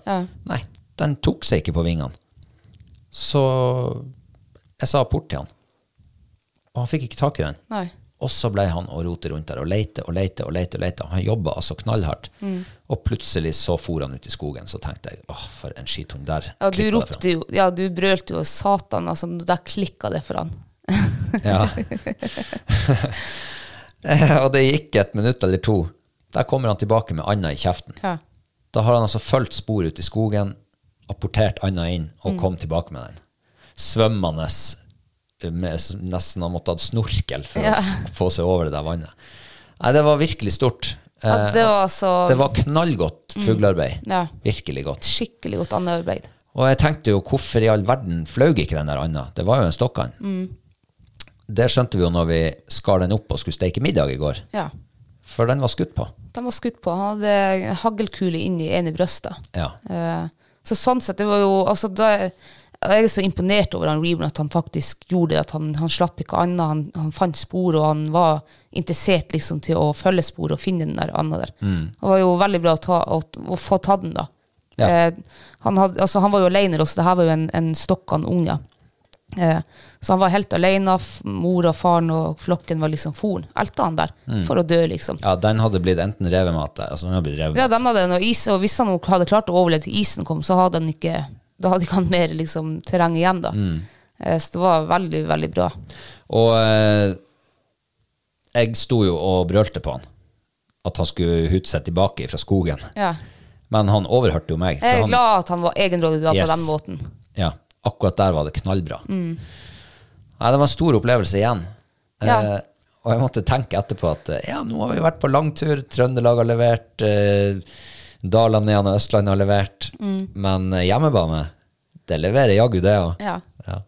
Nei, det var veldig bra. Men han er jo ikke Vi fikk jo en situasjon like etter eh, som viste at han er enda under innlæring. Mm. Eh, for han, eh, det- han støkka jo opp en eh, krikk han til deg. Eh, datt på vannet. Altså, han fikk ikke det med seg hvor han datt hen. Og Anne liksom eh, klarte å komme seg inn til sivet da, før han daua. Og han Reborn Fire skal lete etter der. Og da begynner jo han å ta skogkanten eh, for å pr- prøve å få vind. og sånn. Han skjønner ikke at han må ut liksom i, vann, i vannsivet, i vannkanten, for der ligger det mest sannsynlig s- ligger den da. Mm. Så vi da, må- ja, da slipper man vår svømmende apportør. Ja, hun fight. Og hun vet jo, når det er skutt, så vet hun at mest sannsynlig så ligger den i sivkanten. en eller annen plass. Hvis han ikke ligger på vannet og hun ikke ser den der, da er det bare å følge sivkanten. Og s- det gjorde hun. Ja. Og hun kom på Anna. Ja, det var imponerende. Altså. Ja, hun er, altså, de gamle er eldst. De gamle er eldst. Eh, sånn er det. Men eh, nå har eh, unggutten knappa inn på eh, mora Ja. noen hakk. Ja, absolutt. Så det her kan love bra for både resten av høsten og de kommende årene. Det her tror jeg blir andehund av. Det, og det håper jeg, for at eh, Fight begynner å bli gammel. Jeg aner jo ikke når hun liksom blir stiv i kroppen og ja, ikke klarer rett og slett å være med på det mer. Jeg husker jeg måtte jo si til deg i går at jeg gruer meg den dagen jeg skal på andjakt uten noe fight. Ja. Eh, Det tror jeg faktisk ikke blir det samme. For jeg føler på en måte så føler jeg at, at andjakt er min og Fight sin jakt. For det var den som vi Eller jeg oppfant jo den her andjakten med mora hans, da. Som var litt samme type. Jobba på samme måte. Eh, Så det Uff, nei, jeg vil ikke tenke på det. Men det er litt godt å ha at han Reborn også, da. At han, for andjakt er jo artig. Det er jo ikke noe man har lyst til å slutte med, liksom. Men jeg lurer på hva som har skjedd inni hodet hans når han plutselig bare knakk koden sånn på dagen, liksom. Nei, Hva, hva, har, hva har skjedd, liksom? Jeg vet ikke om det er at han øh, husker dem liksom fra år til år. Han har fått liksom ett slipp fra år til år, så har han fucka det til, og da har han vært båndhund. Kanskje han tok virkelig sjansen nå. Og han eh, apporterte jo and for første gang i fjor. Og i fjor så var jo, da jakta vi jo bare ender i fire dager, og så dro vi til Sverige. Og så var det ikke noe mer da. Så kanskje allerede egentlig var i fjor at det løsna, og så bare ja, var han tilbake der da. Ja, det kan godt hende det, altså. Og han har jo sikkert sett på hva mora gjør, Ja. så kanskje han er såpass eh, intelligent i hodet at han eh, ser og lærer litt. Jeg tror det. Hun fight øh, gikk jo liksom med meg i bånd det første, det første året da hun var 10-11 måneder gammel, og kjekk på hennes mor. Eh, og etter det har hun, hun har jo bare tatt det sånn, da. Så det kan hende at de følger med og observerer, og liksom, om de er så smart. Kanskje de har seg en liten prat i bilburet på vei hjem, Ja. når, når ene har eh, drevet med fuck-up og andre har eh, gjort gode jobber. Ja. Jeg håper de forteller hun Klopp, da. Eh, For hun Klopp hun fikk, eh, hun fikk lov å prøve å apportere an når vi kom liksom på land. Eh, Det syns hun ikke var noe. Hun tok den da rundt halsen til slutt, og, men jeg tror ikke hun Det samme due. Hun, eh, Klopp fikk jo lov å apportere due der nede. Eh, at De tok henne helt ytterst på vingen. Ja. Så det var litt uvant enn den orrfuglvingen og rypa som hun er vant med å apportere. Ja. Eh, og når man har vært på andjakt ene dagen og skal på eh, rypetaksering andre dagen, Ja. så er jeg jo litt spent på hvordan er omstillinga i hodet til en sånn, sånn som har reborn, da. Eh, men det gikk fint, det òg. Ja, det gikk fint. Det er det også, det, det er det også som er litt skummelt, liksom, å begynne med dem, tror jeg, for ung. Eh, de- derfor har ikke vi hun Klopp med på andjakt nå. Eh, for jeg er redd for at hun skal Hun, er, hun, hun har jo aldri vært i fugl før. Og da tenker jeg at eh, andjakt, sånn støkk og alt sånt der, og skyting og Det er alt Det- motsatt av det hun egentlig ja, det er, skal alt, hun- ja, det er sånn som hun Det er liksom neste steg når jeg føler at hun er så eh, stødig nok på det hun egentlig skal brukes til, altså s- eh, stående fuglehund. Da kan hun få lov å være med eh, ut som støkkende fuglehund, og det blir det ikke i år. Nei, Nei. det blir det ikke. Nei. Eh, men eh, du sa hun har jo eh, aldri vært i fugl før, men eh, det fikk hun i dag. Det fikk hun i dag, ja. Gitt. ja. og Vi kjørte jo Sarafjellets-cupen Ja. på fjellet.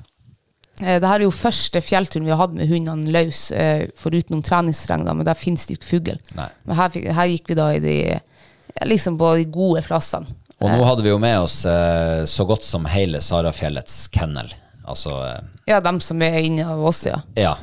Vi hadde en Reborn og Fight, og så Johanne Manchettan.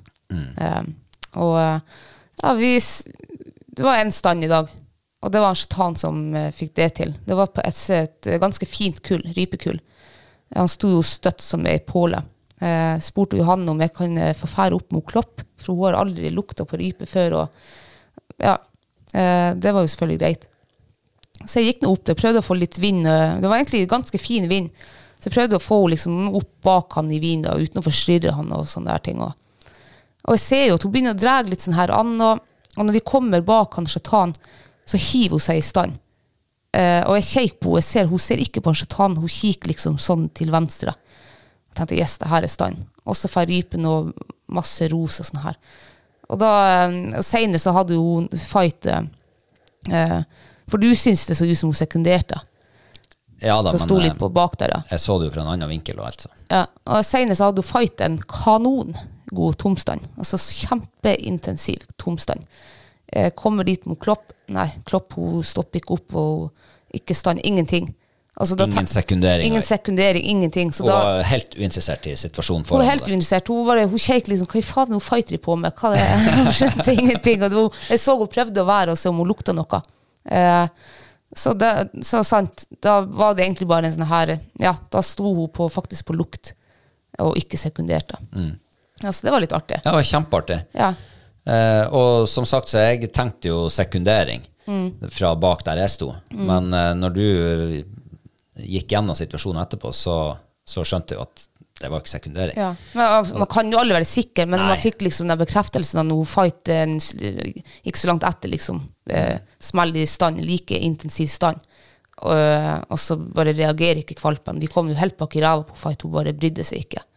Ja, jeg tror det der var eh, Det var jo første gangen kvalpen har lukta på ekte rypelukt. Eh, Ja, Det tror jeg ble en god erfaring. Det For tror jeg det også. poppa rype opp i tur og orden. Det var Ja. liksom ikke sånn at hele kullet gikk med en gang. nei, nei. De poppa opp rundt henne, og hun så jo ganske rolig ut. Ja, hun, eh, hun hadde vel ett røkk i båndet, men jeg, jeg prøvde nå å liksom holde henne rolig og skryte henne av henne. Og etterpå så gikk vi rundt alle der de hadde sittet. Hun fikk lefse i seg rypeskit og lukte, og altså, jeg tror hun storkosa seg. Men eh, hvordan, gikk, hvordan ble resultatet i eh, Sara Filets Cup? Nei, det ble jo han Shatan som vinner, da. Eh, ja, eneste tellende med fuglearbeid. Og en kanongod reis. Ja, dæven, da var djerv og, og fin. Det var flott. Ja. Nei, så gratulerer til Johanne, da. Gratulerer Eh, til Johanne. Vi fant vel ut at det var første gang Johanne hadde vunnet Sarafellescupen, Å ja. så det var jo bra. Ja, men eh, det er jo en, gang, en første gang for det meste. Ja. Eh, men eh, nevnte jo rypetaksering. Det var jo ikke en offisiell rypetaksering. Det var noe eh, kun for å se hva som eh, kanskje oppholder seg i eh, lekegrinda vår. Ja. Ja. Hvor mange telte vi? Vi telte vel Skal vi se Elleve. Elleve, ja. Elleve ryper. Er Eh. det bra, eller er det dårlig? Nei, det er ikke så bra. Det er ikke så bra. Det er ikke det. Vi hadde, noen, eh, vi hadde en del markering og sånn, men jeg vet ikke om det var om de ikke bare var der, eller om det var dårlige forhold, eller jeg vet ikke. Men det var nå ikke all verden vi så. Nei, de, Men det var artig å se så stort kull, da. ja, det var det. Det, Det det var har ikke jeg flott. sett på i fjor. Jeg vet ikke om jeg så kull i fjor. Eh, jeg leste en sak i avisa om at eh, det var en gladnyhet for alle rypejegere. Oi. Ja, og da måtte jeg jo lese den, Ja. siden jeg er litt rypejeger. Ja. Og det var jo gode nyheter for det meste av landet. Nei. Ja, bortsett fra litt sånn her eh, kyststrøk. Ok. Eh, ellers var det oppgang i de takseringene som har vært. Oi. Altså, det her er jo, jeg, jeg oppfatter det som et veldig stort bilde. Ja, ja. Ehm, men det betyr jo at eh, øyen og greier og greier ute i Ja, ute i havgapet, der er det kanskje ikke fullt så bra. eh, står det kanskje ikke fullt så bra til. Nei. Altså på indre strøk så skal det være bra. Eh, Ganske bra, i hvert fall. Og positiv trend fra i fjor. Så da får vi jo håpe at de tallene der stemmer. Kanskje, kanskje mange jegere rundt i landet kan ha eh, trivelige dager ute i om en eh, drøy uke, halvannen uke. Ja. ja, men da får man jo bare krysse fingrene da, og håpe at det er noe i det. Mm. Eh, For det, det har jo vært eh, veldig traurig de siste årene. Å, det har vært traurig. Ja. Å, så traurig det har vært. En annen ting som har vært litt traurig Ja. i det siste, det er veimat. Ja. Åh, åh, nå er jeg så lei hamburger. Åh, jeg er Å, så fy lei faen, pølse. eh, ja. Åh, jeg hater chips med Åh. Altså, du får jo ikke, enten altså, Når du kjører, så vil du jo helst kjøre og komme deg av gårde. Så du har, legger ikke av to timer på en restaurant, liksom. Det gjør du jo ikke. Nei. Eh, så da blir det jo mye eh, ja, hamburger. Altså, lettvinte løsninger. Ja, uff, jeg, er så, øh, jeg har faen meg hamburger langt opp i vrangehalsen. Ja, men det går ikke så lenge, så har du plass til en til. Nei, jeg vil ikke ha mer hamburger ikke på en god stund. Men finnes det noen lyspunkt i en sånn der eller, omstreifende tilværelse? Eh, Ja, Det gjør det. det gjør det. Ja. Vi var jo så heldige å få med oss noen duer som vi, vi skauta bort i Levanger. Yes, det var det vi var. Og vi skulle egentlig, vi har jo hatt eh, to års forlovelsesdag. Det har vi hatt. Hipp hurra. Hipp hurra! og planen var jo å skulle lage den den kvelden vi hadde den, men, eh, men eh, vi venta til dagen etterpå, da, siden Mm. vi var i et trivelig lag med andre. Så vi lagde det når vi kom til Mo i Rana på campingen. Nei, heller, ikke vi lagde jo ikke det. Du satt jo der med en øl i din hånd og eh, fotene i kryss og kosa deg. Mens jeg sto der i varmen og kokkelerte. Ja, jeg syns du er veldig flink. Du Helt håndterte sånn det. som det skal være. Helt glimrende. Nei, men altså, vi lagde duemiddag. Eh, helt enkelt. Duemiddag og sjampinjong. Og fl liten skvæsj eh, flørt, fløte. Flørte. Flørte. Det, Det var litt flørting òg. Ja, det var det. Det var litt romantisk også. Ja, ja, ja. Kan du skjønne. Hva du syns om, eh, om duemiddagen er servert, da? Jeg syns det var eh, helt fantastisk godt. Eh, man trenger ikke å gjøre ting så komplisert eh, bestandig. Nei. Av og til må man gjøre det òg, for det er jo artig. Ja, ja. Men eh, Men hvis du tenker veimat liksom på farta ja, altså Da var det jo helt eh, innertier. eh, og det var jo også første gangen jeg hadde smakt rype. Nei, eh, rettelse. Due. Ja. Due, due, due. Ja, I hvert fall sånne duer. Eh, det var kjempegodt. Og sjampinjong er altså en fantastisk sopp. Ja, det, er jo en av mine favoritter. Ja, det er en av mine òg. Det er vel bare steinsopp som er på høyden. Mm. Og du verden, du traff godt. Med sånn en deilig, fyldig, rund peppersmak. Det var Mm. masse pepper oppi der. Ja, det var så godt. Og det eneste bitte lille eh, nedtrekket, Ja. det var på at eh, duen, duebrøstene, Ja. var litt mye stekt. Ja, den var det. Den var liksom Den, eh, den var så vidt rosa inn når du skar dem opp. Eh, jeg var litt uheldig, for at vi hadde en liten stekepanne i den hytta. Eh, så jeg heiv soppen først oppi krydderet. Eh, og så heiv jeg duen oppi når soppen hadde stekt litt. Eh, en og en halv minutt på hver side. Det var kanskje litt i overkant. Eh, men jeg tror ikke det var der det skar seg. Jeg tror det skar seg når jeg helte fløte oppi, og jeg lot det ligge og putre der i fem minutter med Ja, fløta. Det var nok der det skar seg. Jeg tror det var der det skar seg. Jeg kunne egentlig ha tatt duebrøstene ut, eh, men jeg tenkte ikke så langt. Jeg bare tenkte at jeg hadde én plate, altså én panne. Eh, det her skulle være eh, enkelt og ja. Ja, Men jeg oppfatter jo at du gjorde eh, ditt beste ut ifra gjorde mitt rådende beste, forhold det gjorde og, jeg. Mm. Ja, og rådende kjøkkenutstyr. Eh, kunne selvfølgelig ha gjort det bedre, men det ble knallbra. Ja, Smaken var altså så god. Eh, det, ble, for, eh, det ble ikke soppstuing heller, for jeg lot det liksom ikke koke inn. Jeg bare lot det få en oppkok, så det ble nesten som en sånn eh, em, sopp med deilig peppersaus og med eh, duebrus som kunne vært litt mindre stekt. Jeg trilla terningen til terningkast fem. Ja, det gjorde jeg også. Det er et høyt terningkast. Det er det. Og du måtte ennå spørre meg er det her på veimatstandarden, terningkasten, eller er det på Uansett, liksom. uansett? Det var uansett Ja. fra meg. Ja, jeg er helt enig. Eh, ja, er det andre høydepunkter som er verdt å nevne? Ehm, nei, men eh, du var jo- ble jo veldig glad i den eh, surdeigsbaguetten vi kjøpte på Familie. Ja, i Levanger, ja. Ja. Eh, ja, for det at eh, når vi er og reiser rundt, så spør vi jo litt ofte hvor vi skal fære, og hvor vi kan fære og spise, eller hvor vi kan fære og raske med oss noe mat. Og da kom eh, familie eh, kjapt opp. ja. Der burde vi avlegge et besøk. Og det gjorde vi. Kjøpte oss bagetter, påsmurt.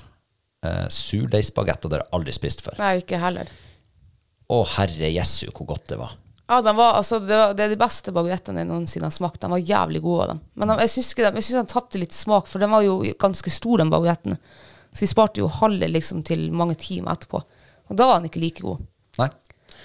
Eh, Men eh, det var jo en plan med det, for vi skulle jo ha det med oss som eh, turmat. Ja, det er sant. Så den skulle jo vare en stund. Men eh, den første delen vi spiste, med den der eh, Og de, de hadde jo laga med sånn ordentlige råvarer inni. Det var ikke sånn her han, eh, kokt skinke som du får kjøpt på butikken, og så bare skåret opp og med Norvegia på. Nei, sånn. nei. Det var ordentlige råvarer. Det var spekeskinke, og det var mozzarella, og det var skikkelige greier. Ja, det var, altså, det var dritgodt, var det. Virkelig. Eh, Til og med tomatene var faktisk gode. Ja, det var faktisk smak i dem. Det var smaken, Ja. dem, og det er det manko på i tomatverden. Ja. Så eh, de der surdeigsbagettene fra Famil, dem, eh, dem eh, ja, Det er litt som forrige uka. Jeg hadde litt vanskelig for å velge da også. Ja. Hva du velger? Nei, jeg må velge duen, da, for det var, jeg synes det var, s- det var kjempegodt. var Det Ja. Det var overraskende godt egentlig, liksom, for et lite kjøkken på veien. Eh, ja. Ja. Eh, det er nesten som å sammenligne eple og pære, det her. Eh, siden det var liksom eh, hvetebakst eller brødbakst Ja. mot eh, vilt. Ja. Så jeg er veldig usikker, altså. Må jeg velge? Eh, du må ikke det. Nei. Men jeg tror nok du vet innerst inne hva du ville valgt. Du har, altså, man har bestandig en liksom som eh, Hva er det første du tenker på, da? Det er bagetten. Ja, ok, men det er den. Ja, da tar jeg den. altså, det er den beste bagetten jeg har spist i mitt liv, Ja. så jeg tar den. Ja. Eh, jeg vet ikke når neste gang jeg kan spise den, eh, men jeg vet at det er ikke så lenge til jeg kan spise due igjen. Ja, for vi har to duer igjen. Vi har det. Men er ikke, var ikke det her den beste duen du hadde spist i ditt liv? Ja, det var det. Nei, jeg tuller bare med deg. Jeg syns du er flink.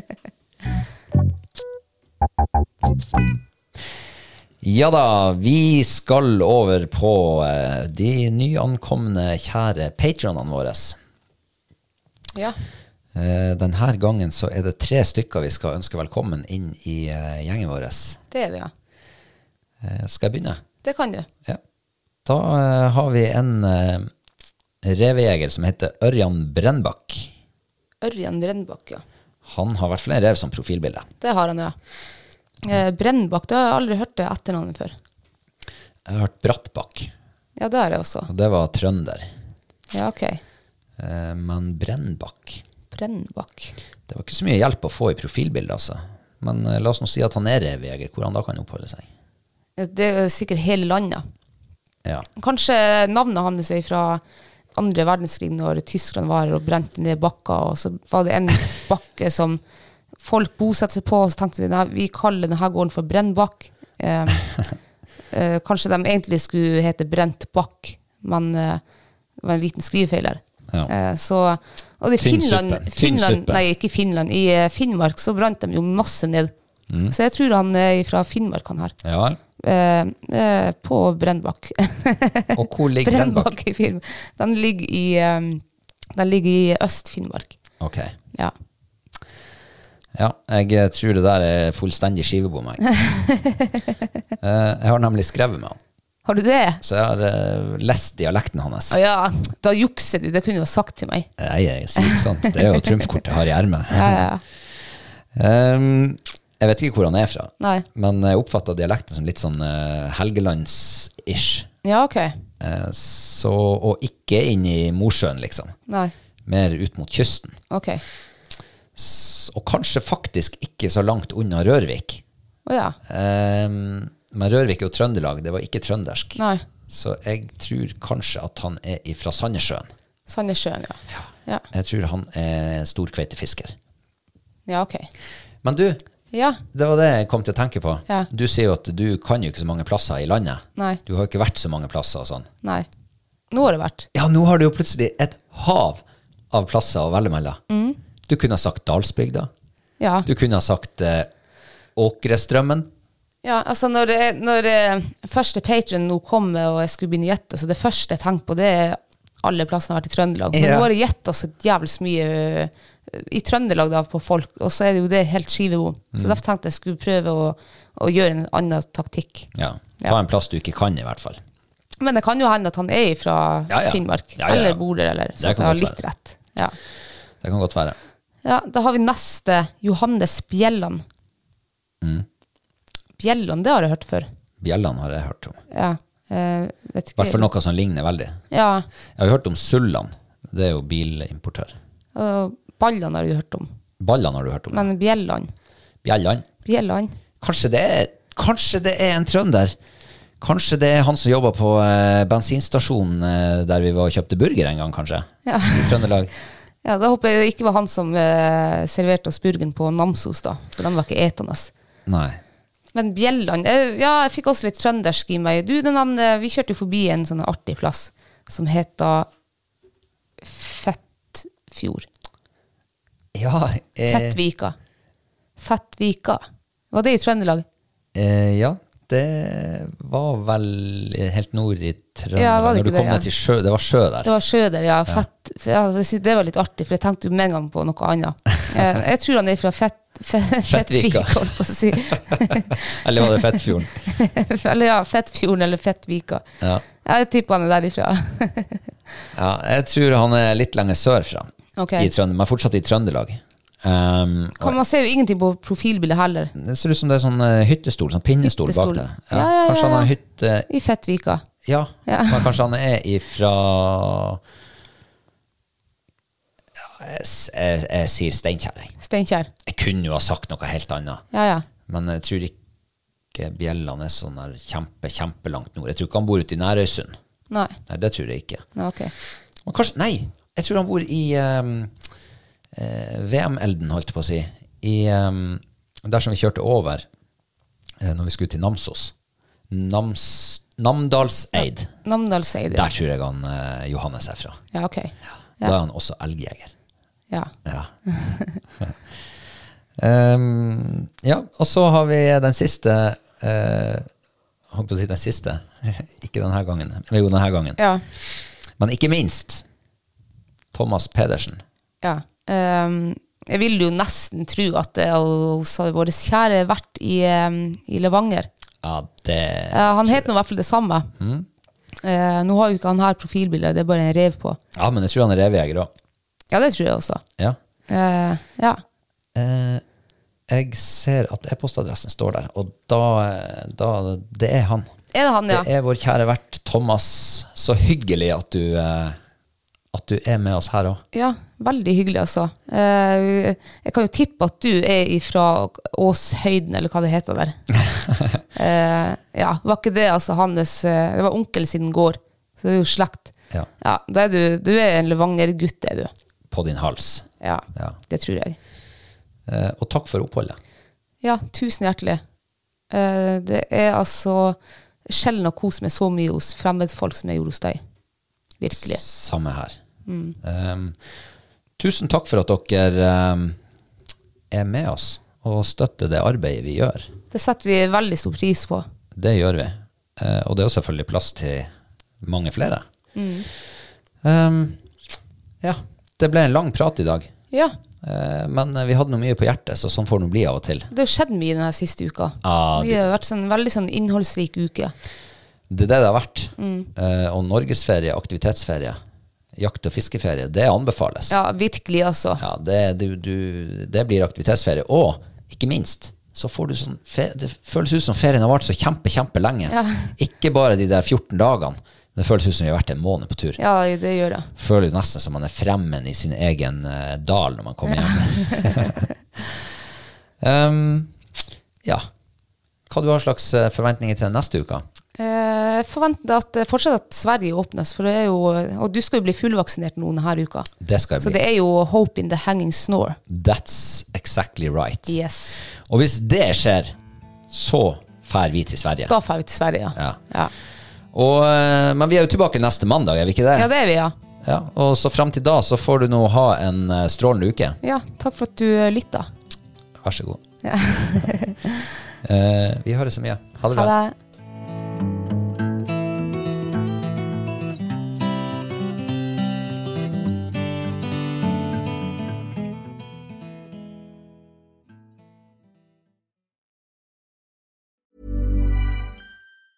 Ever catch yourself eating the same flavorless dinner three days in a row? Dreaming of something better? Well, HelloFresh is your guilt free dream come true, baby. It's me, Gigi Palmer. Let's wake up those taste buds with hot, juicy pecan crusted chicken or garlic butter shrimp scampi. Mm. Hello Fresh. Stop dreaming of all the delicious possibilities and dig in at HelloFresh.com. Let's get this dinner party started. Hi, I'm Daniel, founder of Pretty Litter. Did you know cats tend to hide symptoms of sickness and pain? I learned this the hard way after losing my cat, Gingy. So I created Pretty Litter, a health monitoring litter that helps detect early signs of illness by changing colors, saving you money and potentially your cat's life. Pretty Litter is veterinarian developed, and it's the easiest way to keep tabs on your fur baby's health right at home. Go to prettylitter.com and use code ACAST for 20% off your first order and a free cat toy. Terms and conditions apply. See site for details. Imagine the softest sheets you've ever felt. Now imagine them getting even softer over time. That's what you'll feel with Bowl and Branch's organic cotton sheets. In a recent customer survey, 96% replied that Bowl and Branch sheets get softer with every wash. Start getting your best night's sleep in these sheets that get softer and softer for years to come. Try their sheets with a 30-night guarantee. Plus, get 15% off your first order at bowlandbranch.com. Code BUTTERY. Exclusions apply. See site for details.